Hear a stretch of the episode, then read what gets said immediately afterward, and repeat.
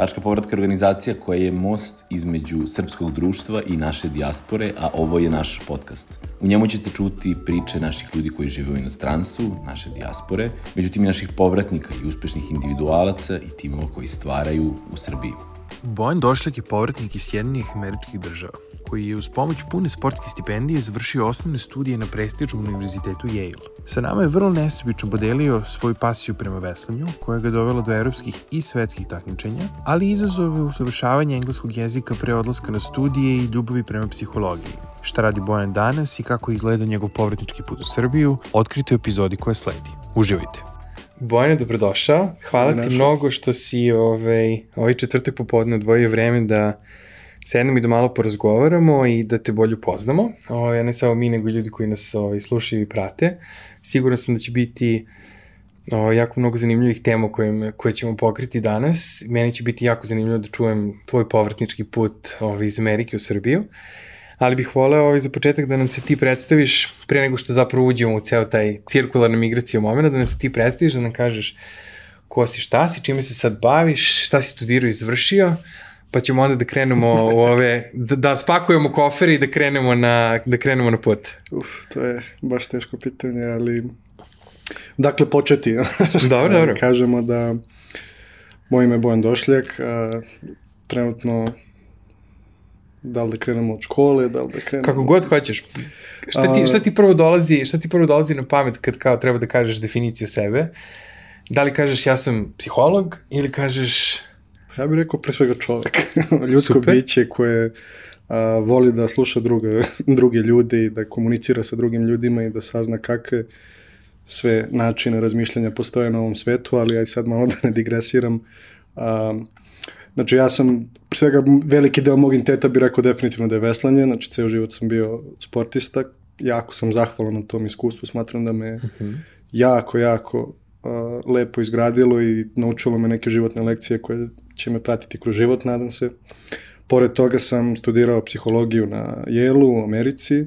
Tamo sam bio pet godina sveukupno, zato što sam išao jednu godinu u srednju školu. Prvo mhm. tamo, to je petu godinu srednje škole, što je bilo malo ako čud, zvučno čud, čudno zvuči, ali a, poenta toga je bila na svetskom prvenstvu kada smo bili na vesanju, bilo je dosta nekih prilika da se ide na neke fakultete, ali a, dosta tih nekih opcija su bile veslačke stipendije. I te veslačke stipendije su i tekako i dalje super opcija da se ode u Ameriku i se školuje, ali a, nekad kada si na veslačkoj stipendiji onda imaš baš pritisak više na veslanje nego na školu i na edukaciju. Mene naravno više zanimala edukacija i da izvučem nešto više od veslanja iz tog života, zato što veslanje kogo ga volao, znao sam da nije nešto čime bi se bavio do kraja života, iz raznoraznih razloga, sad da se a, ne, ne skrećemo s teme, ali a, i onda sam išao u jednu boarding školu, što kao neki internat bi bilo, gde, koja se zove Ken škola, tamo sam imao taj PG high school year,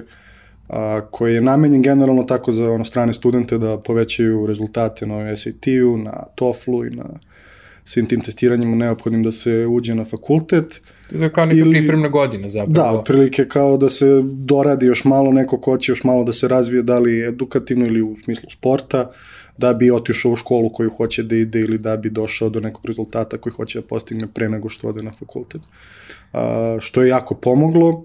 A, ja u retrospektivi nekoj smatram da ta godina je bila jedan jako ključan period mog dolaska tamo, zato što postoji jedan veliki kulturni šok kada dođeš kao klinac mm. od 18 godina u Ameriku sa dva kofera i 500 evra u džepu, a nisi nikad bio, da kažeš, na tom kontinentu. Dosta toga bude onako veoma overwhelming. E, stani sad sekund, da, da samo da te, koliko je fantastična mm -hmm. paralela, u prethodnom razgovoru smo imali sad sa Markom koji je otišao sa 23-4 i kaže, znam da imamo jako mnogo mladih ljudi koji odu sa 18-19 uh, imaju zapravo od prevelikog šoka zapravo ne mogu da stignu da izvuku sve od tog iskustva ako odu na neki kraći mhm. period. Mm -hmm. Ovo mi je baš bilo sad zanimljivo kako si to rekao, ja sam tamo otišao sa 18 godina sa dva kofera i 500 euro u džepu i kao odjednom si kao sam, sam, na, ono, sam svoj na svome Um, I to mi je baš onako sad mi je, ono, baš mi je bio eho. Uh, kako, su, kako je zapravo zanimljivo da ta podeljena iskustva Da. koje imamo, bez obzira što smo različiti ljudi u različitim situacijama, mogu da se ono pronađu kao neki identifikatori u, u, u različitim pričama. Nisam teo te prekidim, izvini, samo... Ne, ne, nikako, naravno. Um, smatram da je to iskustvo bilo ja, jako, jako dobro zato što me, dalo mi je taj neki buffer period pre nego što sam otišao na fakultet, dalo mi je prostora da unapredim engleski, da se prilagodim svojoj novoj kulturi koju sam morao da se integrišem. A, donekle mislim da imao sam čak i malu olakšicu u svemu tome i da bi se možda čak bolje snao, zato što pre toga dok sam veslao, to su stalno bile pripreme od 12 meseci, ja sam 6 meseci sigurno na pripremama negde veslam van kuće, tako da sam imao priliku da se već osamostalim u tom nekom smislu da mi nije toliko frka što sam sam tamo, nego više što sam sam tamo, a sve je drugačije. Hajde da napravimo još jedan korak nazad pre odlaska, u, pre odlaska na Kent. Um, ti se bavio veslanjem dugi niz godina i na zapravo najvišem kompetitivnom nivou, u smislu ti si probio profesionalni veslač u svojoj, u svojoj kategoriji da, veslao sam za reprezentaciju i dosta dosta sam dugo bio u tome, od 14. godine već smo krenuli da idemo na neke svetska prvenstva. Imali smo tu, pošto ja 1995. rođen, a, u na Veslačkom savezu Srbije, sada unutar tog kruga, pošto to je jedan jako mali community u okviru, u okviru srpskog sporta. I 95. generacija je jedna jako famozna generacija, pošto uh, generalno veslanje nije naš neki najzastupljeniji sport gde se deca guraju baš da dođu da treniraju i obično ako smo imali išli šali na juniorska svetska prvenstva, ljude to je obično neki dvojac, ono dvoje do četvoro ljudi maksimalno, a moja generacija je imala stvarno puno talentovnih ljudi koji su nekako od pionirskih tih dana, pošto ide pionir, kadet, junior, senior, ovaj, svi smo nekako bili tu jedno za drugo i zajedno smo se gradili da smo mi imali na tom svetskom prvenstvu skoro 15 ljudi koje smo poslali na svetsko prvenstvo, što se redko kada dešavalo u našoj, kažem, veslačkoj istoriji, ali isto tako mislim da je to razlog zašto smo bili tako dobri, zato što ako samo imaš dvoje, troje, četvoro dobrih veslača, onda nemaš s kim da se takmičiš, nemaš s kim da se pripremaš i onda imaš neku iluziju dok treniraš ovde da si mnogo dobar, a onda odeš na svetsko protiv Nemca, Britanca, Australijanca i a, vidiš da ipak može nešto i bolje da se radi. A kada si okružen tako sa više ljudi koji su jako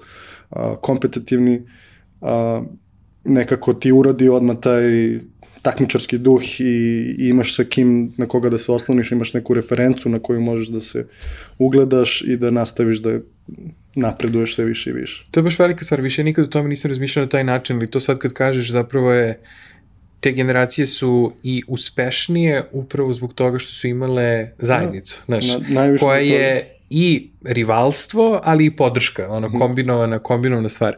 Ali bi rekao da su, um, da ta, kako da kažem, treniranje sporta na tom nivou nešto što ti je dalo, kako da kažem, ono, neke veštine koje si posle zapravo mogu samo da preneseš na ono što je akademski uspeh upisivanja Yale-a, a na kraju krajeva i naravno diplomiranja sa, ovaj, sa diplomom iz psihologije sa jednog od naj, najboljih univerziteta na svetu. I te kako, i te kako. I pogotovo mislim da, ja sam pre vesle trenirao i plivanje i vaterpolo, tako sam ceo život i nekim vodenim sportovima, ali i te kako smatram da postoji mnogo, mnogo lekcija koje mogu da se izvuku iz sporta i a, nekad mi je krivo kada vidim čak i sportiste koji baš ceo život posvete sportu i nekad imaju problem da se vrate u karijerni uh -huh. a, da kažem mindset i da ljudi prosto neće da im daju šansu pošto ni nemaju puno iskustva ti sa 30 godina ako si bio 35 posvetio ceo život sportu i onda odeš da apliciraš negde da radiš nemaš neko iskustvo na koje neko na kontu koga će neko te zaposli ali mislim da tu nekad i kompanije greše zato što baš ti ljudi imaju i tekakvu disciplinu u sebi i tekako znaju kako da dođu do cilja i samo im je potrebna nekad i šansa. A, ali mene kako je to pratilo, ja bih rekao da je veslanje you ultimate team sport, što bi rekli, uh -huh. zato što a, mnogi ljudi misle da je veslanje onako malo više snaga, brutalni i da samo udri jače, udri jače, a, a zapravo to je jedan jako fluidan sport gde je tehnika 90% svega, zato što nije nije nije koliko je jako veslo, nego koliko efikasno veslaš, koliko ti efikasno mm -hmm. koristiš svoju snagu. Tvoje telo je tu samo alat da sprovede uh, jedan jako fluidan pokret koji sam od sebe ide ako ga radiš kako valja. I onda kada si u čamcu, u nekom četvercu ili osmercu, uh, to su velika vesla koja imaju po dva metra i to je dugačak čamac, a jako uzak koji je na vodi. Balans je jako teško držati tu, osim ako sva osmorica uh, ne Ne dišu kao jedan organizam. Ne dišu kao jedan organizam, ne razmišljaju isto i nisu totalno sinhronizovani. To je jedna lepa komparacija koju sam čuo za veslanje, da je to zapravo jedan od sportova gde ono juriš uvek uh, perfekciju znajući da je nikad nećeš dostići. Zato što ne postoji savršeni zavesle, ali možeš da se trudiš da dođeš što bliže tome. To je, znači, to je fascinantno. Postoji psihologija e, sporta kao uopšteno posmetrano, ali postoji kad uđeš u discipline. Pa onda čak kad uđeš u veslanje, kad shvatiš koliko je različito kada si u čamcu sa dvoje, sa četvoro ili sa osmoro ljudi, meni je bilo, kad smo ti ja imali, ovaj, kad smo razgovarali pre ovog današnjeg podcasta, bilo mi je zapravo fascinantno, jer ja sam recimo na mojim studijama u Engleskoj, um, na Cambridgeu je veslanje deo, kako da kažem, prosto deo, nerazdvojivi deo kulture, jel? Uh, pričamo o stotinama godina veslačke, ono, veslačke tradicije. I svaki koleđ ima svoj tim, koji kasnije formira univerzitetski tim, koji se onda bori u toj velikoj trci Cambridge protiv Oxforda. I tebi je veslanje, sve ako se ne baviš njime na koleđu, zapravo deo sastavnog života. Tvoji prijatelji su veslači, oni su pre toga bili na treningu, njih sretneš uvijek na doručku, koji ono, izgledaju kao... Biramo zajedno da, časove. tačno. Ove, ali imaš ono što je mi bilo fascinantno, je što ti zapravo imaš ono, eh, oni su uvek izgledali jako koherentno kao tim, posebno ljudi koji su iz istog čamce bili. Meni je to bilo onako, baš onako psihologija jedne porodice, onako užasno povezane i to su ljudi koji su ono osjećali prisustvo jednih drugih na jednom potpuno meta nivou. To nije ono kao taj čovjek je tu, nego kao ti imaš osjećaj za sve te ljude i onda kada si mi ti zapravo ispričao ovaj, to tvoje iskustvo, ja sam zapravo, meni tek tad zapravo kliknuo, nikad o tome nisam na taj način razmišljao, koliko zapravo tu ima povezanosti koja je baš na tom nivou, kad ti sedneš s nekim i kao, to saživiš se u, u tom jednom pa, pokretu. Najviše tog poverenja, mislim, dolazi kada je dan od, od trka, da tako kažeš. Mm -hmm. Trka je na 2 km -huh. i sve vreme ideš maksimalno što možeš. Znači, to je jedan sprint od 2 km da tebi od 6 do 8 minuta zavisi u kom si čamcu, 5 do 7 ide više minuta, zavisnosti u kom si čamcu, tebi svaki mišić u telu vrišti, vrišti od bola i uh, a, znaš da i tvom partneru isto, da li si, ako si u dublu ili bilo ko više partnera, ako si u većem čamcu, da i njemu vriš, njima vrište svi mišići u mozgu i ti dalje u tom trenutku moraš da apsolutno imaš poverenje u tu drugu osobu, da ta osoba neće pustiti, da neće zato što mu je teško, da oladi malo zato što nekada, mi smo na svetskom prvenstvu 2013. u Litvani, mi smo bili treći u osmercu, mi smo izgubili prvo mesto za 0, 0,2 sekunde, a srebro za 0,01 sekundu. 15 minuta smo samo čekali nakon trke fotofiniš da saznamo ko je bio prvi. Uh. I što je najgore, to uopšte nije, uh, ti imaš kada si u, u zahvatu, to jest u zahvatu ili u kraju zavesle, tebi je u zahvatu čamac najsporiji, zato što ti se tada krećeš nazad, napred, na onom rolu na kom sediš i ti zapravo ideš kontra od inercije čamca. I to je samo pitanje, na primer, kada je takva mala razlika, da li si u kraju zavesla ili u zahvatu da li ti je čamac u brzini, jer tada će loptica da prođe prva kroz finish line. Mislim, ovo su neki termini koji su baš onako specifični. Ne, ne, ne, ali mislim, ali... vrlo je zanimljivo, znaš, kao to su, to kad kažeš 0,01 sekunda koja, te od, koja je kao od 0,01 do 0,02, i taj razmak je na nivou da li si ti mentalno u svakom trenutku imao ono 99,87% ili 99,9%. I da li si verovao još sedmorici ljudi da isto Tačno. to radi. A mislim da su nam rekli da je razlika između prvog i našeg mesta bila koliko je kartica kreditna, da je bila tolika je bila razlika. Uh, dobro. Fantastičan rezultat svakako, ove, ali razumem to, mislim da je to mora, ono, To je ono što ja mislim, zašto je veslanje je nekako čudno, mora da budeš malo lud da bi ga voleo, iskreno, mm -hmm. zato što nema ništa zabavno oko veslanja, nije kao neki sportovi gde možeš da i nekad od, odigraš neku deo igre, to je uglavnom ti si u nekom podrumu, a, nama je običan trening bio kao klinci od 14-15 godina da odemo malo istrčimo onaj rukavac u Adi, uzmeš teg od 20 kila, staviš ga u ranac, staviš dva stepera, ideš 20 minuta gore dole, pa 20 minuta bajsa, pa 20 minuta opet, stepera i onda još 3 puta 20 ergometra, što ne znam ko je ovde probao ergometar, to je jedna Zla mašina. zla mašina koja može baš da testira granice tvoje fizičke sposobnosti. A i mentalne na kraju. A i krajeva. mentalni tekako. Ti sad, nakon, ok, znači ti si bio neki ono mali cirkularni migrant uh, zapravo kroz ta putovanja po takmičenjima. Da, to je još jedna velika privilegija koju ti veslanje da, zato što generalno sve trke su tu negde u okolini po Evropi, Evropa je lako može se putuje, samo staviš na prikolicu kamion neki, to je ovaj kombi, nas petoro, šestoro sa trenerom, samo sednemo i idemo svuda na trke. I onda smo jedna od velikih privilegija što stvarno odeš i proputuješ mnogo u tim godinama, a, vidiš dosta sveta, upoznaš mnogo ljudi, različite na svetsko prvenstvo kad dođeš tu isto dođe 23 zemalja, ako ne i više nekad, gde ti upoznaš ljude iz svih tih različitih zemalja, upoznaš ljude koji razmišljaju nekad na različite načine, koji su imali totalno drugačije životne iskustva, razmeniš neke ideje sa njima, tako da ti stvarno a, otvorite i u tom nekom smislu načine razmišljanja.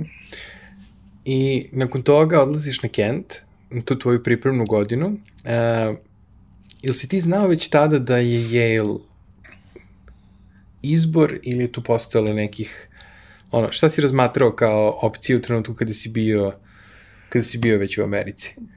Kada sam bio već tamo, a, mislim, pitanje je li potegnuto još pre Kenta, zato su bile neke opcije gde sam ja mogao da idem na te veslačke stipendije bez Kenta, znači pravo i srednje škole ovde, ali opet nisam teo zbog nisam teo da idem na fakultet da bi bio veslač, nego sam teo da idem da bi bio student.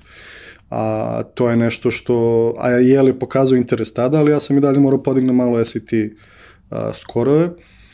I onda smo na oni su na preporuku zapravo me, me, moju da, za mene dali na Kentu, Uh -huh.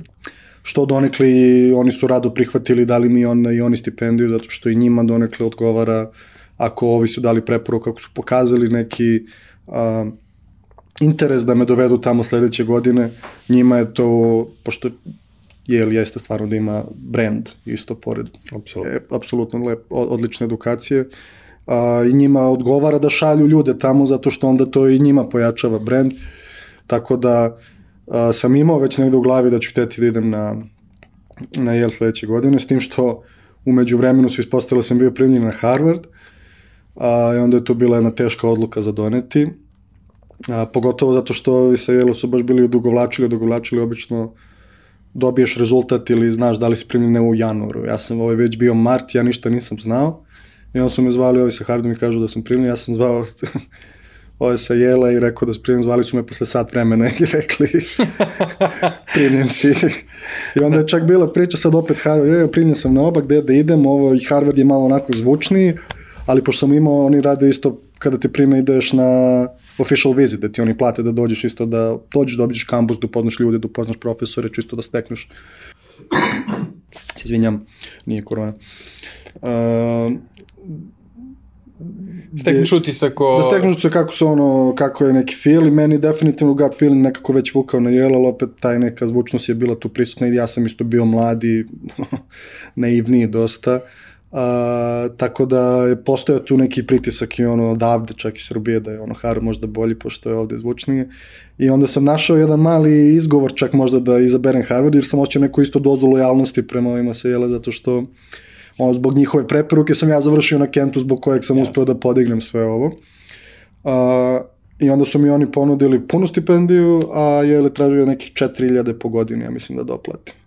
I onda sam ja opet zvao i rekao, ovi su mi dali punu, ja bi onda išao tamo, 4000 godišnje.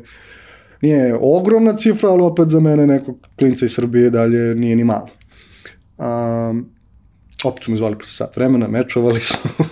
Ti si zapravo morao sa 18 godina da naučiš ovaj, ono, kako se pregovara ovaj, u biznisu i da zapravo nema boljeg pritiska od ponude konkurencije koja je malo bolja od onoga što Dakle, ti... to je isto jedno vreme, ja bi se isto za to zahvalio mom ocu koji a, sećam se tačno je rekao što ne bi aplicirao i na Harvard, ja sam rekao pa što kad me ovi, kao, veruj mi samo i zbog te nje- njegovog tog saveta da ja nisam aplicirao, kada vratim film u glavi, ovi me možda ne bi ni primili, jer na kraju su me primili, jer su me ovi, ovi sa Harvard primili, a ne zato što su oni možda hteli, možda su oni nisu hteli da me prime, možda ništa od ovoga ne bi bilo, samo da nisam poslao tu još jednu aplikaciju. Sigurno se da jesu, ako te primio Harvard, Yale bi te sigurno primio. U smislu, Ne, ne, to pa kažem da nisam standardi- aplicirao uopšte na Jasno. Harvard, onda ovi ne bi imali taj pritisak jer oni su tek nakon te informacije mene primili. O, verovatno tu postoji onaj moment da kao uvijek je lepo kad u životu možeš da imaš izbor za neke stvari i to je, isto jedna to je odlična životna otac lekcija. govori. Pa da, Ceo život, kaže, najbolje kad možeš da biraš. pa jeste, zato što svaki, nisu izbori laki, ali je mnogo bolje da imaš izbor nego da ga nemaš uopšte. Um, I okej, ti sad, posle godine dana na Kentu, gde, kako da kažem, prepostavljam da je taj prvi kulturni šok prošao, mm Mhm. -hmm. Naviku si se na sredinu, na činjenicu da je Amerika Amerika. Mada ja prepostavljam da je Kent isto vrlo... ono, ja, jedan- jako prestižna škola, mislim, jedan, jak, mislim, jako, jako prestižna škola. Top bi rekao 10 možda tih. Kako je sad Yale drugačiji? Počinješ da budeš student? Kako se stvari menjaju? A, Ili aj ovako, koliko je to drugačije od onoga što si ti mogao da zamisliš kao studiranje na jednom ono Ivy League univerzitetu u... pa nisam Americi. mogao da zamislim iskreno, uopšte nisam, nisam, nisam mogao da nisam znao šta me tamo čeka. A, nekako, kroz ceo život meni su se stvari samo dešavale. Često su bili planirane i išlo se ka njima, ali samo su prosto ne ilazile nekako sad, da li to neka ludačka sreća ili šta je. A, mislim da veliku, veliko poštovanje i, i ljubav i zahvalnost prema mojim roditeljima, zato što a, Bez njihove podrške. bez njihove podrške teško da bi išta od ovoga bilo, zato što stvarno oni su ljudi koji su sve u svom životu zapostavili, a, nismo nikad imali nešto puno, ali uvek su svrhu, prst, prvo stavljali mene, što ja sam tek nakon toga, nakon mog iskustva i psihologije i svega uspeo da, da, da razumem, jer moji roditelji su isto, mislim, odrasli u nekom drugom vremenu i onako, kada pogledaš njihove roditelje, moje bake i deke, a, postoji ta neka ljubav koju oni jako, jako, jako moćno znaju da iskažu kroz svoje akcije, ali nekad verbalno je to onako jako kritično i onda mm -hmm. ti kao dete si zbunjen nekad zato što nisi siguran um, Da li me ne vole dovoljno moji roditelji? ne da li mi vole, nego sam zbunjen zato što osjećam kroz akcije, kroz sva vaša dela, znaš, ono, osjećam nenormalnu ljubav, nenormalnu podršku, ali nekad uh, je lepo i čuti to da, da bi možda sad ovo ne bi javno Pa ne, nije, ali mislim, to je, ja mislim da to je isto zanimljivo, znaš, to je, mm, ono, drugačiji su načini iskazivanja ljubavi. Imaš ljudi koji mnogo govore, ne rade ništa, a ti si imao sreću da zapravo imaš roditelji koji su jako mnogo radili za tebe i podržali te u nekim odlukama koje su sad, mislim, koje su za tebe zapravo bile formativne, jel? Te, naravno, i tek nakon što sam studirao tu psihologiju, pošto moj fokus je bio na razvoju dece, znači uh -huh. formativne godine, baš to kako, kako se jedan, jedna ličnost gradi od, od, od, od samih bebećih dana, ko, on uticaj tu genetike, uticaj okruženja i roditeljstva uh -huh. pogotovo. Ovaj, I ono što je meni najviše pomoglo da ja njih razumem i da, da, da, da zašto je to uvijek bilo tako, mislim pre svega ja sam odrastao u jednom jako mirnom periodu kad kažemo globalno kada da gledamo mislim mm -hmm. ja nisam prošao kroz 90. nisam se nagledao svega i svečega a, i tek onda kada pogledaš njihove roditelje pošto moj tata je jedan jako jako jako rat, inteligentna i jako jako emotivna osoba ali deda je bio vojnik ceo mm -hmm. život Baka je bila jedna nežna, nežna žena prepuna ljubavi i onda tačno kada pogledaš njihove roditelje možeš da razumeš a, da je, znači. on je jedna jako emotivna osoba koja je samo naučena da se emocija ne pokazuje mm -hmm. a, da se ono, i onda kada represuje tu emociju, onda njega najviše zapravo od straha tog njegovog, ta emocija kad ga nagne, nagne iz straha, on krene da bude tako možda nekad malo više kritičan, ali a, tek nakon tih nekih mojih saznanja sam razumeo da je to sve dolazi jedne jako, jako, jako mesta ljubavi mm. i mesta ogromne brige i ja sam samo nevrovatno zahvalan što imam moje roditelje kao moje roditelje. Taj sistem podrške je, ja mislim, i ključan. Prepostavljam da je to bio jedan od razloga zbog kojih si kada si donosio odluku da se vratiš.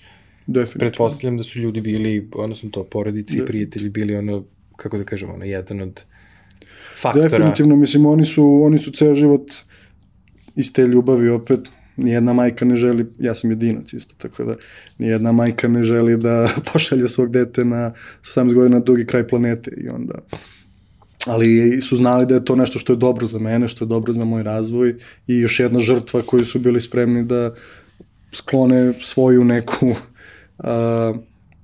emociju sa strane i da urade ono što je ispravno i što su smatrali da je ispravno. Reci mi kako je, uh, to me uvek onako interesovalo, jer mislim da je iskustvo, uh, kada recimo odeš na master na Yale, ili na Harvard ili neku tih prestižnih škola u Americi, je drugačije nego kada si tamo četiri godine. I kada si tamo, znaš, kada odeš kao odrasla osoba koja sad traži neku nadgradnju, ove, ovaj, kada si zapravo neko ko je on u svojim ključnim formativnim godinama u smislu odrasle osobe, mlade odrasle osobe. I reci mi sad, mislim, sva što me interesuje o, iz tog života, sigurno sam da će interesovati i mnogi drugi ljude. Ti si imao jedno, ono da kažem, pravo američko iskustvo, između ostalog bio si član bratstva. Jeste. A, što i pričali smo o tome, ono, postoji ona hollywoodska reprezentacija toga, koja je verovatno preterana, ili verovatno realno za neke. Uopšte nije preterana, samo ne za Yale, je li onako malo više, rekao bi, žargonski štreberski fakultet, ali veliki state fakulteti gde ti imaš po 50.000 studenta u jednom malom gradiću 5 sa 5 km je tu ume da bude kao Hollywood ako ne i gore. Jasno. O, ovaj, kako ti je to recimo bilo zanimljivo iskustvo i kako se promenio tvoj odnos prema sportu uh, na samom jelu? Odnos prema sportu se nikad nije menjao. Ja sam tamo u drugoj godini prestao sa veslanjem više zato što sam došao u mnogo drugačiji sistem uh, u kojem se mnogo drugačije radi. Druge stvari, se, tamo su samo smerci veslanje, na primjer. Ja sam odio reprezentaciju veslaju skifove i dublove i sve te različite čance. I ovde je nekako sistem mnogo zato što je mali taj community naš veslački, čak i bolji zbog toga zato što ti imaš jednog trenera na dvoje, troje ljudi i onda imaš stvarno jednu ogromnu, jako lepu komunikaciju sa trenerom gde ti si stalno u komunikaciji daje ono feedback loop u nekom gde kažeš ajmo malo da odmorimo, ajmo se malo da pojačamo, ajmo da nastavimo čamac, dok tamo imaš jednog trenera na skoro 60 ljudi mhm. koje mora da se postavi trener mnogo drugačije i mnogo autoritativnije uh, da bi mogao da ishendla toliki tim ali a, drugačije je bilo, pogotovo zato što dosta dosta stranaca je bilo isto tamo veslačkih, uh mhm. -huh. pogotovo veslanje veliki sport u Australiji, Britaniji Nemačkoj i onda imaš dosta ljudi koji dolaze za, zavesni iz tih zemalja koji dođu sa još 5-6 drugih, kao da sam ja imao još 5-6 mojih drugara iz Srbije tamo Jasne. i onda je malo isto to onako komplikovano da se integrišeš u takvo društvo gde se ljudi već znaju, već su veslali zajedno za njihove reprezentacije i tu su sada zajedno. Plus je bio taj neki moment, on, ti si stalno sa istim ti, ti vi idete niste časove, stalno jedete zajedno, dva puta tren, dnevno trenirate zajedno i onda si donekle uvek sa istim ljudima i uvek moraš da se slažeš sa tim ljudima zato što je neophodno. Jasne. A ja se baš i nisam možda sa tim nekim humorom njihovim identifikao toliko. A, bilo je tu sad još 30 faktora da ovo je tema koja samo može traje sat vremena, ali sve u svemu u drugoj godini sam ja to prestao. A, tako sam u principu i došao do tog bratstva zato što moj najbolji, jedini moj drugar kog sam imao van veslanja je bio moj cimer. Uh mhm. -huh. a, I veslanje je jedan veliki deo mog identiteta bio ceo život, ja sam se time jako dugo bavio i sad samo odjednom ga nema više i onda je tu bila malo onako kriza identiteta gde sam ja isto shvatio da nemam nikoga drugog osim ljudi sa veslanja i šta sad radim gde. I onda je to moj, taj, on je naj, najbolji drugar bio ovako generalno, ja bih rekao na fakultetu, je prepoznao to donekle, on je tada se pridruživao tom jednom bratstvu, a, rekao je da ima tamo neki mnogo cool ljudi koje smatram da bi mi se svideli, koje bih hteo da upoznam. A, ja sam to prihvatio i ja sam prvi imao jako odbojno stav prema bratstvu kada sam otišao tamo, zato što, zato što je to nekako isto to sa filmova, da kažeš, Hollywood ti Tačno. malo ispere mozak, ali pre svega na jelu to bilo jako, jako, jako, jako umereniji nivo. Uh, ti, ti tamo imaš uglavnom jako malo ljudi, ima samo 5000 studenta tamo. Na celom univerzitetu. Na celom univerzitetu, od kojih su većina, da kažemo, iz azijskih zemalja koji su ono tek samo škola, škola, škola, škola, socijalni život uopšte ne zanima. i onda je to jedan jako mali broj koji su uglavnom sportisti, da kažeš najviše deo, deo. Bratstva su se čak i delila po sportovima, u mojem bratstvu su bili golf, tenis, futbal ovaj naš i eto.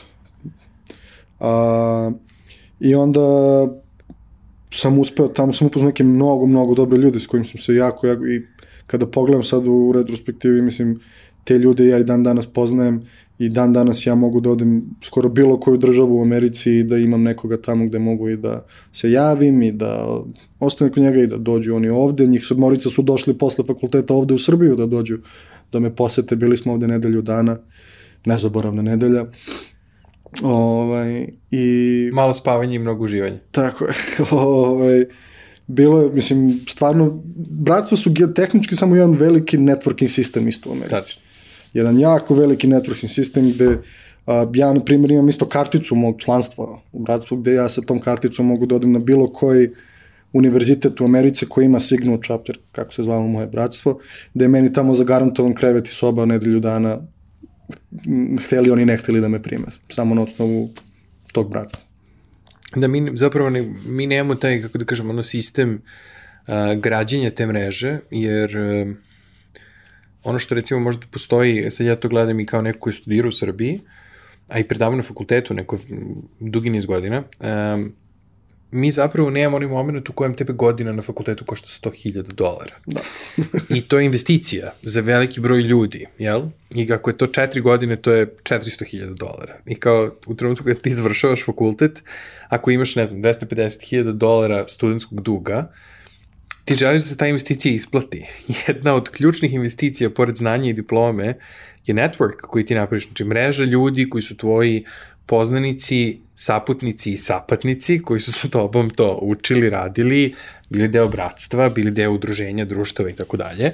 Da, imaš i tajno društvo isto, mislim, imali smo i to, ja sam tamo bio isto i deo toga i imaš, onda sam prešao i na ragbi, pa imaš i ragbi kuću, imaš, to je, ceo fakultet je tako sagrađen da samo spaja ljude sa sličnim interesima. Ja, societies. I ti zapravo u svakom trenutku imaš po deset različitih frame grupova gde ti a, in, totalno drugim temama, u totalno drugim istorovanjima sa svakom grupom diskutuješ, pa polučiš paralele sa drugim grupama, mm -hmm. pa ti se neki ljudi iz tih grupa preklapaju još nekim grupama i onda to je jedno neverovatno iskustvo zato što ideja liberal arts college uopšte samo razmjena ideja. To je jedan neverovatan alat koji ja mislim da se nekako u poslednje vreme malo čak i zaboravlja u svetu, ne samo ovde, gde dovoljno da dvoje ljudi ovako sednu kao ti i ja sada da popričaju, da razmene ideje i mnogo, mnogo produktivnih informacija može da proizađe iz takvog razgovora. Apsolutno, ja se prisjećam mogi tvog prvog razgovora i nekako bilo mi je e, baš mi je bilo osveženje da čujem neko koji je imao tako da kažem, taj dualni život, znaš, ili ti imaš, ono, ozbiljno bavljanje sportom zahteva ozbiljan mentalni fokus, pored fizičkog, zahteva ozbiljan mentalni fokus. I studiranje na fakultetu kao što je Yale, posebno psihologije, isto zahteva ozbiljan mentalni fokus i, kako da kažem, ono, jedan, jednu vrstu posvećenosti koja je zaista za svaku pohvalu. I divno je zapravo da vidiš ono ljude koji su kao to sve prošli, a ipak su zapravo donali odluku da onda sad to sve umesto u nekom drugom društvu primenjuju ovom ovde. I onda je meni,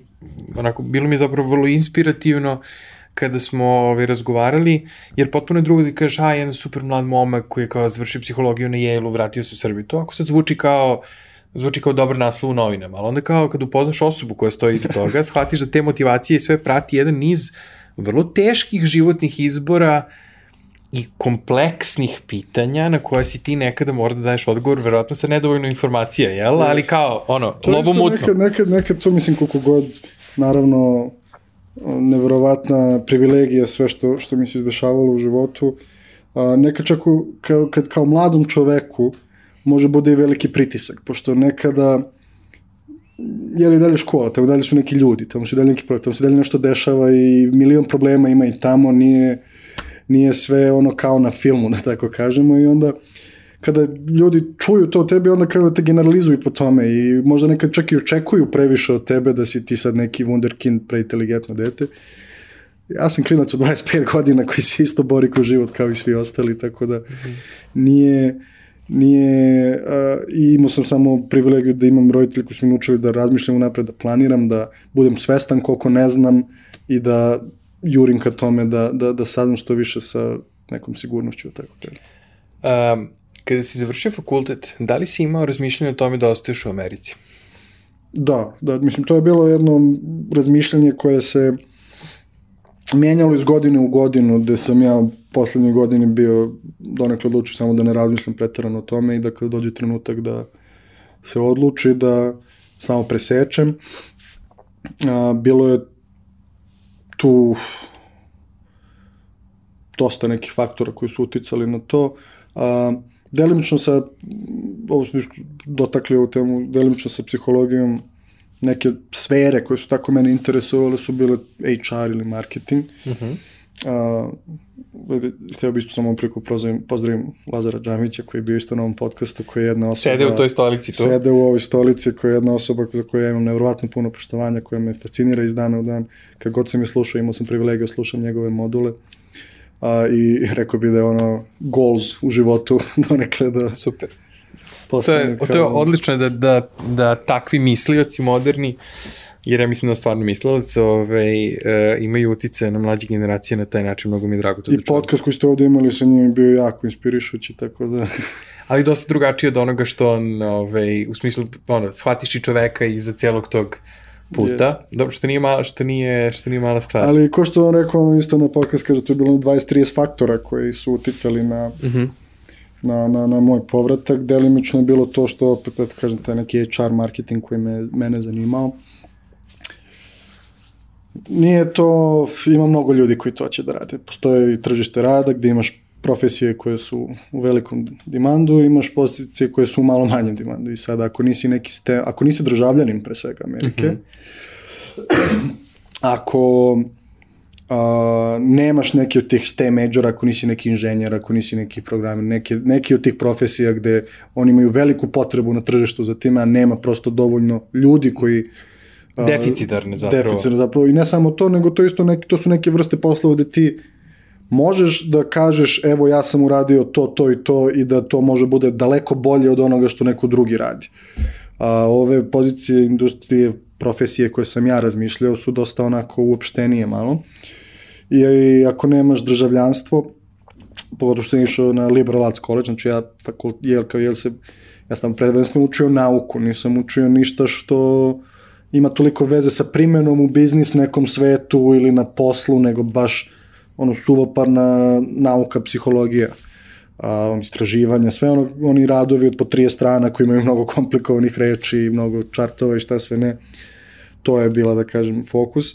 I onda tebe svaki poslodavac tamo, kada dolaziš sa liberal arts college to je sistema tog liberal arts, Uh, svako mora te obuči da radiš ono što će raditi zapravo na samom poslu. Ti imaš dobru fondaciju načina razmišljanja, zato što te jako lepo nauči tom nekom kritičkom razmišljanju o kome smo mm -hmm. pričali, ali ne znaš kako biznis funkcioniše, nemaš neke modele u tom nekom smislu. I onda zašto bi on zaposlio tebe, a, koji nemaš državljanstvo, kome mora da plati jako skupo a, radnu vizu, mm -hmm. pored nekog Amerikanca koga će isto da, da morati da obučava koliko i tebe, ne mora da mu plaća radnu vizu, ne postoji jezička barijera, pošto koliko god engleski može da se razvije, nikad neće biti kao maternji neko ko je odrastao sa tim. Apsolutno i prosto sve te neke pozicije koje sam, za koje sam ja dobio, pa su bile neke ono entry level pozicije koje u principu ti na godišnjem nivou možda zaradiš u New Yorku možda 80-90 hiljada godišnje dolara, što zvuči ovako puno kada spomeneš samu cifru, ali to je pre svega pre poreza, porez je ogroman, pored toga New York je neverovatno skup, neverovatno skup, mm -hmm. nema nema tamo pljeskavica za 200 dinara, nego 15 dolara košta nešto tog kalibre. Što se tiče smeštaja samog, ti možeš da nađeš ne na dobroj, nego na ok lokaciji stanu možda 30 kvadrata i to da ga deliš sa još dvoje osobe i da tebi mesečne režije to budu 2-3 dolara. I onda je to neki prosto standard života gde ti više ne živiš ono American Dream, nego... American reality. E, American reality, upravo tako, lepo rečeno. I u Srbiji je bilo dosta nekih stvari koje sam već uh, imao gotove, uz veliku podršku opet mojih roditelja naravno, a, što mi nije sramota da priznam nikada, zato što... Kudoro, to je jedna infrastruktura, znaš, ovo je kao, ti si odavde potekao, jel? I uvek je mnogo lakše, mnogo se lakše pliva u vodama koje su tvoje. To je staro pravilo. Mislim, nije tu čak i ljudi koji možda nisu imali takvu podršku, uvijek im je bilo mnogo lakše da neke stvari urede ovde. Ja mislim da to je zapravo velika prednost, znaš, ti si na tržištu rada Amerike, bez obzira na fakultet koji si završio, koji završi jako mali broj studenta, 5000, jel, na cijelom univerzitetu, konkurencija je i dalje jako visoka. U smislu, ima jako mnogo ljudi koji objektivno imaju prednost u odnosu na tebe, ako ni zbog čega drugog, zbog činjenice što imaju, što nemaju zapravo potrebu za bilo kakvom vizom. I to je moment u kojem kad se kontekstualizuje povratak, uh, ti zapravo shvataš da ta znanja koje si ti stekao, kultura koji si bio izložen, ovde zapravo mogu da se mno, možda mnogo bolje uh, kvantifikuju, odnosno prodaju, jer ovde ima mnogo manji broj ljudi koji su imali iskustvo koje si imao ti. Slažem se maksimalno, mislim, um, sam mi stao mozak. Ne, te ja sam zapravo, pitanje, moje pitanje je zapravo negde bilo, uh, nakon povratka, da li je tvoje iskustvo i bilo to, da ta kultura koju si ti doneo i nešto što je zapravo tebe oblikovalo tih pet godina u Americi, je nešto što ovde zapravo sad, recimo baš konkretno sad, ovaj karijer možda imaš priliku da primenjuješ na jedan novi način.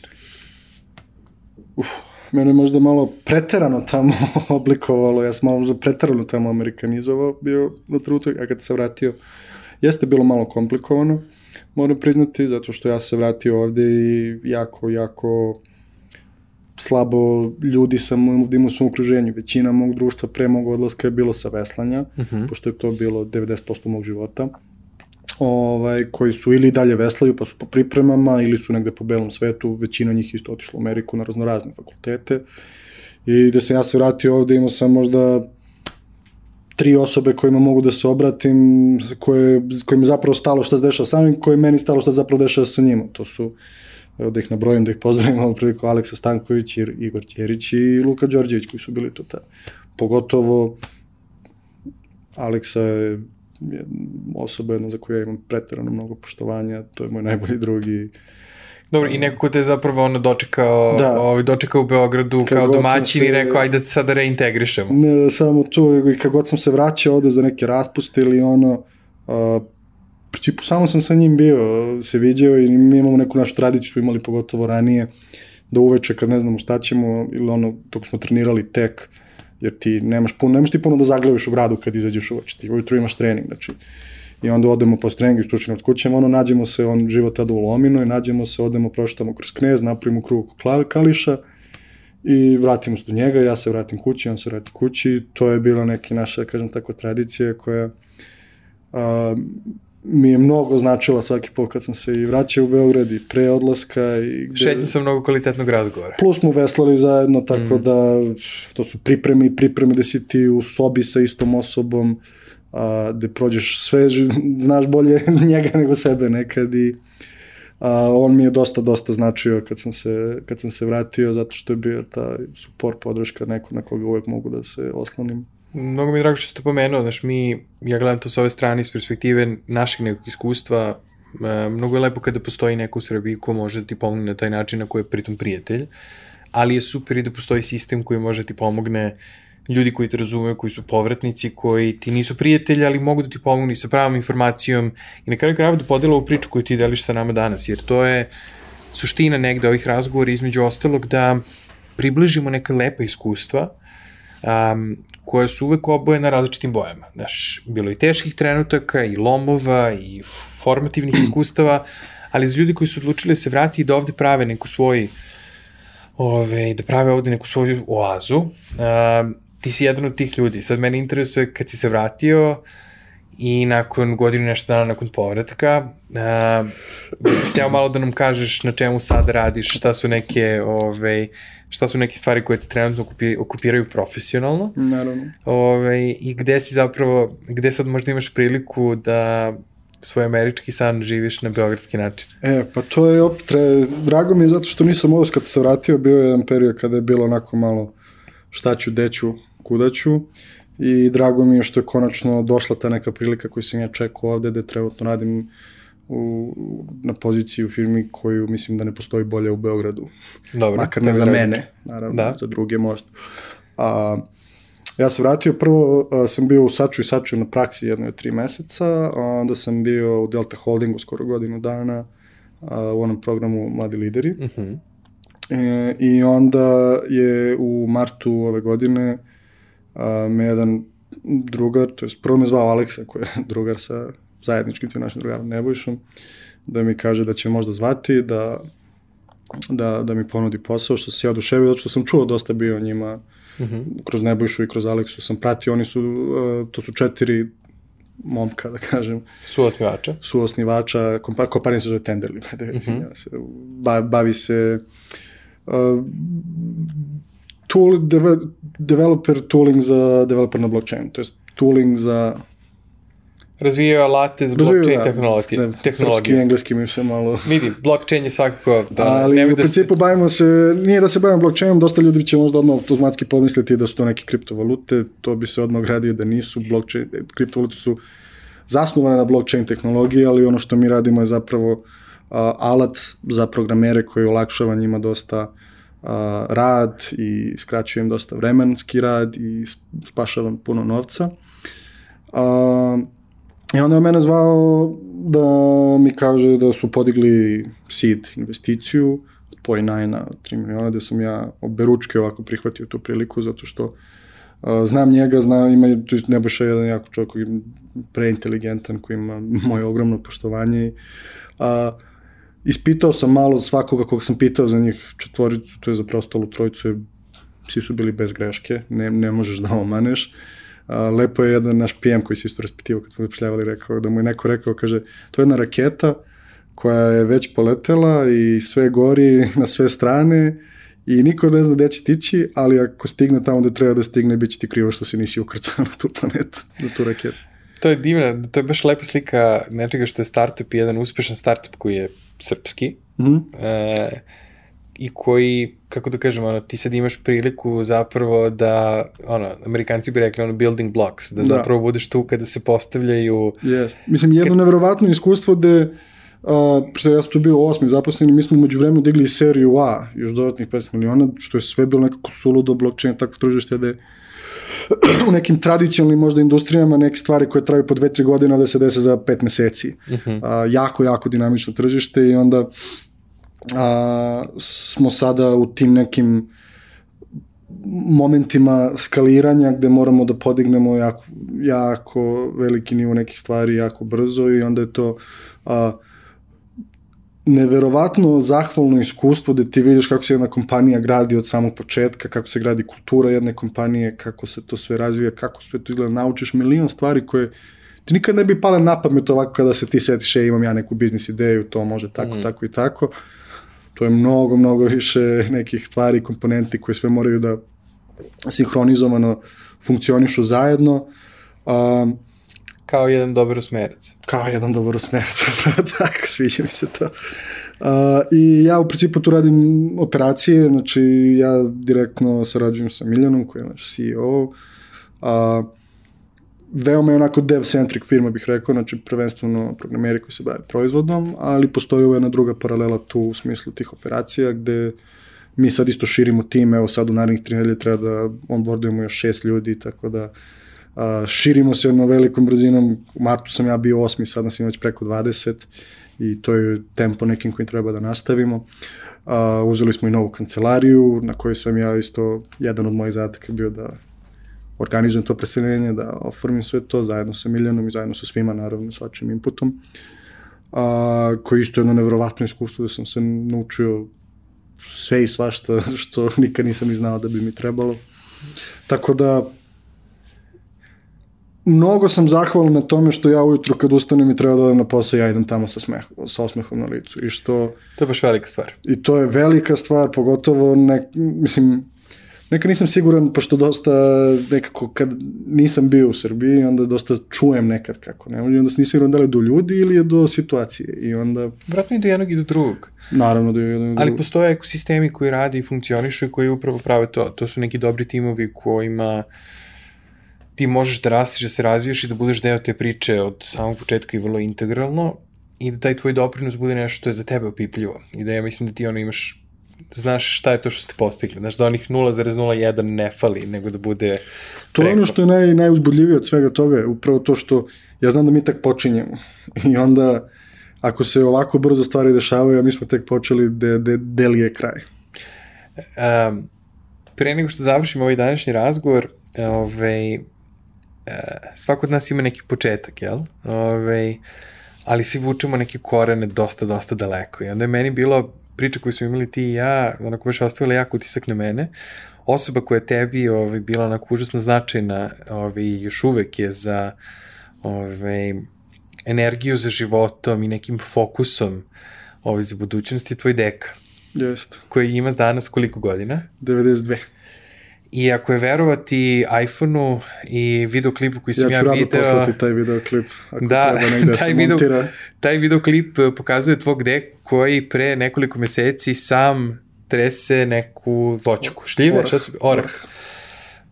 Sam se Popeo se na drvo. popeo se na drvo i trese orah i ne vodi mnogo računa o činjenici da ima 93 godine. Njemu niko nikad nije rekao da to sa 93 ne može. Baki i mami se diže kosa na glavi kad se to čuje, ali ja jedino što imam da mu kažem je legenda. Dobro, pozdravimo Deku. Ovo je super prilika da zapravo pozdravimo Deku. On je jedan čovjek koji je me jako puno inspirisao u mom životu, jako puno, to, jako puno stvari me naučio. Naučio me pre svega zahvalnosti, jer je on odrastao u jednom totalno drugačijem periodu od ovog u kome mi živimo sad. A, u periodu kada su deca bila radna snaga, kada neke priče koje mi on pričao, kada je deda bio glavni u kući, on deda Jelenka i jako poštuje, a, ja ga jako poštujem, to su i dalje moji koreni, ali a, nekad mi je krivo samo sam zbog mog deke, pošto vidim koliko je to jedna genijalna osoba, a nekad mi je krivo zato što osjećam se kao da nikad nije doživao svojih pet minuta, zato što kad je on bio dete, a, deda je bio taj koji je bio glavni u kući, koji drži začine, šećer, novac pod ključem, a, i sve je nekako bilo prema najstarijem orijentisano i sada kad god priča on o svom deki, on, on je knjigu jednu napisao moje odrastanje u koretnici koje je, porast, uh, koje je posvetio meni. Uh, kada priča o svom deki vidim koliko ima poštovanja, neizmjernog poštovanja prema njemu i vidi se nekako kako je ceo život jedva čekao da on bude deka, da on bude glavni u kući, ali sad su nekako vremena sve obrnula i sad opet sve ide na decu i onda čovjek koji je živio jako dugačak život, nagledao se svega i svačega, ali nekako nikad nije doživeo tu pažnju koju većina nas ima privilegiju da u nekom trenutku u svom životu iskusi u okviru i porodice i društva. Ali on je isto jedan redki deka koji može da kaže da ima unuka koji je vrlo uspešno završio jedan od najprestižnijih on... univerziteta na svetu, vratio se i sada je srećan ovde. Da. Što nije mala stvar. Nije ni malo. A, reci mi, ovaj, uvek pitamo kao, dva pitanja imamo kao pita, koje pitamo ono sad goste po pravilu, ovaj, pre nego što ih uh, pustimo um, sa podcasta. Prvo je koju si knjigu veliki broj puta poklonio? Znači, ili knjigu koju si najveći broj puta poklonio nekim drugim ljudima sa idejom da moraju da je pročitaju. I drugo pitanje je da možeš sutra da se probudiš sa magičnim štapićem i nešto promeniš u ovom našem društvu, šta god da je. Globalnom ili lokalnom? Lokalnom na prvom mestu, ali ako misliš da je nešto što možemo da skaliramo i na globalno, apsolutno, ok. Um, odnosno, ako postoji nešto što bi univerzalno promenio svugde, super. Um, bilo kojim redosledom možeš da odgovoriš. Ovaj. Knjiga definitivno, mislim, je knjiga koja je mene navukla na psihologiju, da tako kažem, pošto smo u prvoj godini, ja sam zapravo krenuo sa ekonomijom prve godine, uh -huh. koja ono nije mi bilo nešto pretarano teško, ali nije, nije bio moj fah, nije mi bilo interesantno, toliko nije me radilo, što kažem.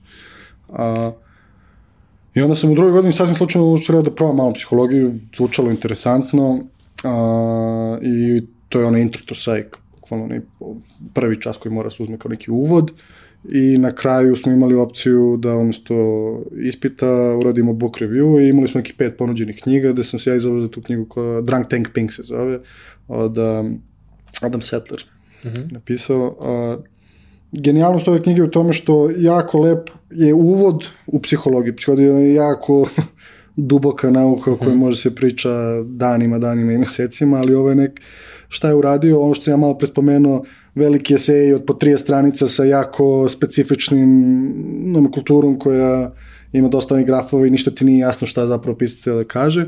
On je zapravo uzeo samo u toj knjizi napravio kompilaciju stinjak, 200 tako nekih studija koje tih 30 strana samo saže u par stranica. Ono, naj, naj, šta je pouka bila tih studija.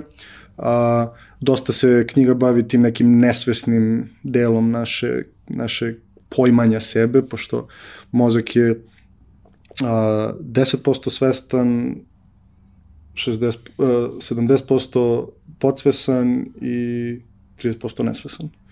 A mislim da sam to tačno rekao, nisam dugo obnovio gradivo. 10, 70, 20, ali da, ili 10, 60, 10, 70, 20, ja mislim da je u pitanju. Pa da. A, što znači da sve što ti znaš o sebi od kako si se rodio, sve čega ti misliš zapravo da znaš je 10% tvog mozga. A dosta nekih mehanizama postoji u organizmu koji datiraju upravo ti, od tih nečih dečih dana, od tvojih nekih prvih shvatanja i pojmljanja sveta, kada ti apsolutno sve novo, kada ti gradiš neke modele svoje percepcije uh, prema svetu oko tebe. I onda uh, dosta je to, da kažem, linija koja spaja sve te studije koje su u kompilaciji u toj knjizi. Um, jedno, mislim sad ne znam koliko imamo vremena, ali mogu da izdvojim i moju omiljenu odande, pošto... Što da ne? Jedna od mojih omiljenih je gde su pitali, imali su dva seta imali su ispitanika, is, ispitanika jedna Uh, ispit, pitanja su bila kompletno ista. Bavila su se predviđanjem da li će vreme da nastavi da bude lepo ili će da postane ružno i berza, da li će da nastavi neke akcije da rastu ili će da krenu da padaju.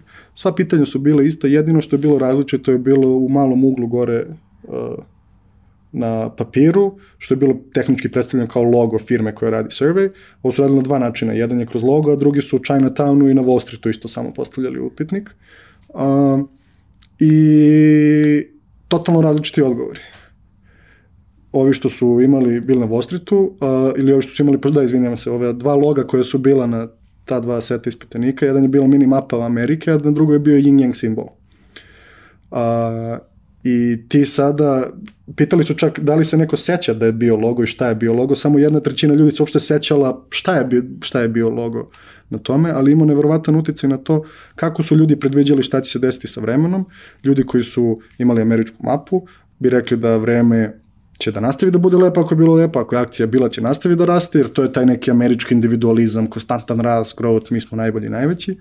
Dok ovih što su imali yin yang simbol, koji je ono malo više zapadnjački, uh, istočnjački, izvinjam se, uh, kolektivizam, koji je ono konstantna promena, sve u nekom flowu, u nekom motionu, su dosta obrnute odgovore davali. Isto tako i kada su ponovili to ispitivanje na Wall Streetu i u Chinatownu, uh, jedan mali simbol koji tvoj mozak nije ni primetio, ali ga duboko u toj podsvesti asocira sa uh, značenjem dubljim neki arheotipnim tog a, simbola može da bukvalno donese odluku i da ti misliš da si ti dono svesno neku svoju odluku, a da zapravo a, su spoljni ti neki uticaj koji utiču na tebe. Ali da ne dužim previše. A, Šta nam je sa drugim pitanjem? Drugo pitanje. A, ne bi previše da filozofiram, tako da ću dati malo onako možda prosti ogovor, to je obrazovanje. Šta bi promenio obrazovanje? Ono što mislim da te kako fali, fali fokus na obrazovanje i način prenošena znana studentima i na, ne samo suoparno da kažeš bobanje informacije, već da škole i obrazovanje treba te nauče kako da razmišljaš. To je ono što bi ja rekao da sam iz mog nekog obrazovanja tamo najviše povukao to što a, nijem predmet, nijedan predmet koji sam ja uzimao, nisam ništa pretrano specifično korisno naučio iz njega dve stvari koje sam ja najviše povukao iz mog iskustva tamo su pre svega ljudi koje sam upoznao uh mhm. -huh. a, i drugo način razmišljanja. Taj pristup te uči jednom jako kritičkom razmišljanju da donosi, da uzmeš ne, nešto od face value, izanaliziraš ga, povežeš ga sa drugim problemima, staviš se u objektivnu neku situaciju i doneseš neki svoj zaključak. A pored toga, kad kažem obrazovanje, meni nekako obrazovanje malo previše naopako. Mnogo se mnogo se fokusa stavlja na sam fakultet, na sam fakultetsko obrazovanje. Najveći deo obrazovanja se dešava u prvih 7 godina života deteta.